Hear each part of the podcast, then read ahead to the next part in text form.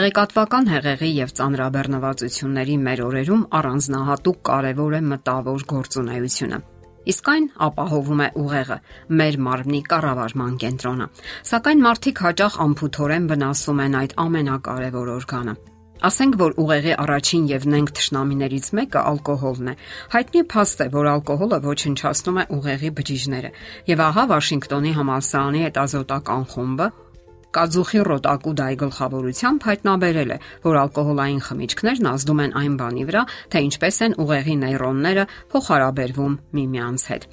Ալկոհոլը հարկադրում է որոշակի ռեցեպտորների արտադրելու ստերոիդներ, որոնք դանդաղեցնում են հիշողության ձևավորումը։ Հենց դա է պատճառը, որ մարդիկ հաճախ չեն հիշում, թե ինչ է տեղի ունեցել իրենց հետ, երբ մեծ քանակի ալկոհոլ են օգտագործել։ Դրանից բացի այդ գործընթացների հետևանքով դանդաղում է նաև նեյրոնների շփումը միմյանց հետ եւ միմյանց միջև։ Իսկ դա էլ իր հերթին հանգեցնում է տեղեկատվությունը փոխանցելու վատ թարացման։ Եվ ի վերջո առաջանում է գործողությունների աններդաշնակություն,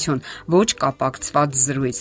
արտաքին ազդակներին, գրգռիչներին համապատասխան եւ ճիշտ արձագանքելու անընդունակություն։ Ալկոհոլն առաջացնում է նաեւ այսպես կոչված կորսակովի համախտանիշը, իսկ պատճառը B1 վիտամինի սուր անբավարարությունն է, որը եւ հրահրում է այդ հիվանդությունը։ Եվ այնուամենայնիվ, ալկոհոլային խմիչքները միակ պատճառը չեն, որ կարող են խաթարել ուղեղի բնականon գործունեությունը։ Կան այլ գործոններ եւս, որոնք վնասում են մեր հիշողությանը։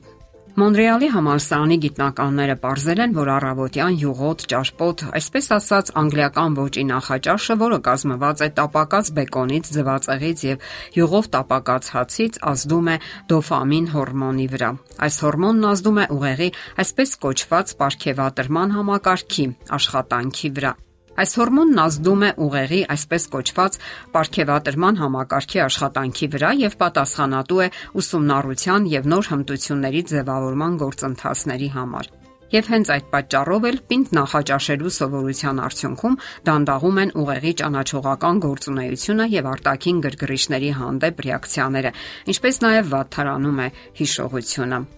Մասաչուսեթսի տեխնոլոգիական ինստիտուտի պրոֆեսոր Միլլերը պնդում է, որ մարդկային ուղեղը հարմարված չէ այն բանին, որ միաժամանակ մի քանի առաջադրանք լուծի։ Նույնիսկ այն դեպքում, երբ մարդը միաժամանակ մի քանի առաջադրանք է կատարում եւ թվում է ամեն ինչ բնականon է, դա բոլորովին էլ չի նշանակում, թե նա ընդունակ է դրան։ Իրականում ուղեղը ժամանակ առ ժամանակ անջատվելով մի առաջադրանքից անցնում է մյուսին։ Արդյունքում հսկայական քանակի էներգիա է ծախսվում եւ դա բերում է ուղեղի հյուծման ստեղծմանը։ Հավանաբար լսել եք reality show կամ իրական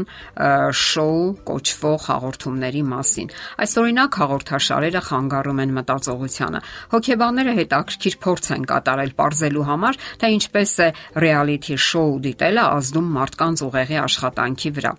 Ավստրիացի գիտնական Մարկուս Ապելլի կատարած փորձին մասնակցել են 81 մարդ։ Նրանք դիտել են դեռահասի ամենօրյա կյանքը, որը հրապուրված էր ֆուտբոլով։ Դիտումից հետո մասնակիցներին խնդրել են պատասխանել տեստի հարցերին, որոնք ուղղված էին գիտելիքների ընդհանուր մակարդակը ողջելուն։ Նշենք, որ մինչև այդ դիտումը նրանք կատարել էին նույնանման փորձ, եւ ողջվեց, որ հերոստատեսային ծրագիրը իսկապես խանգարել է մարդկանց, որpիսին նրանք մտածեն։ Հետազոտության հեղինակը այսպես է բացատրում դա. Ռեալիթի շոուն դիտելիս մարդը կարիք ունի խոր վերլուծության ենթարկելու ստացած տեղեկատվությունը կամ հիշելու այն։ Դրա արդյունքում ուղեղն անցնում է աշխատանքային թուլացված ռեժիմի, իսկ ահա հաղորդումը վերջանալուց հետո ողջվում է, որ այնքան էլ հեշտ չէ վերադառնալ սովորական ռեժիմին։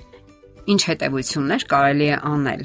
Գիտական հետազոտությունների վերոհիշյալ արդյունքները ցույց են տալիս, որ ժամանակակից կյանքն ինքնին արդեն վնասում է մեր գլխուղեղի աշխատանքին ու հիշողությանը։ Համացանցը մեր կյանքի ուղեցույցն է դարձել եւ ամեն օր մեզ հետ է։ Աշխատանքային բազմազան պարտականությունները նույնպես մեծ էներգիա են խլում։ Հերոստատեսային համարյա ոչ մի հաղորդում մտավոր լարվածություն եւ ջանք չի պահանջում։ Ցավոք այս ամենը հաստատվում է նաեւ վիճակագրական տվյալներով։ Եթե 1930-ական թվականներին մարդկանց մտավոր միջին մակարդակը սկսել էր բարձրանալ գիտատեխնիկական առաջընթացի, կրթության եւ կյանքի պայմանների շնորհիվ, ապա վերջին մի քանի տասնամյակներում մտավոր զարգացման միջին մակարդակի գործակիցը ընդհակառակը սկսել է նվազել։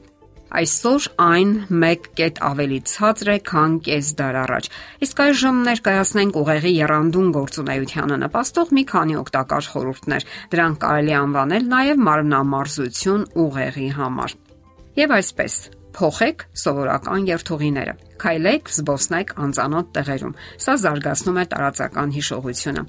միապաղաղ աշխատանքները կատարեք փակ աչքերով կամ շարժվեք տանը փակ աչքերով, շոշափելով։ Սա զարգացնում է գլխուղեղի գործունեության մեջ քիչ ներգրավված զգայական հատվածները։ Բազմազանություն մտցրեք ձեր կյանքում։ Այցելեք նոր վայրեր, նոր ծանոթություններ հիմնեք։ Պատրաստեք նոր ճաշատեսակներ, ավելի հաճախ վերադասավորեք իրերը։ Ամեն նոր բան օգնում է, որ մեր ուղեղը գտնվի մարզավիճակում Ձախ ձեռքով արեք այն, ինչ սովորաբար անում եք աչով։ Սանրվեք, մաքրեք ատամները, բռնեք սպասքեղենը եւ այլն։ Ամեն ինչ արեք հակառակը։ Սա ամրապնդում է ուղեղի կիսագնդերի միջև կապը։ Դե ինչ, ինչ հետևության կարելի է գալ, որ պետք է խնայել ուղեղը, զարգացնել մտավոր ունակությունները եւ թույլ չտալ, որ ուղեղը ժանգոտի։ Եթերում է առողջ ապրելակերպ հաղորդաշարը։ Հարցերի եւ առաջարկությունների համար զանգահարել 033 87 87 87 հեռախոսահամարով։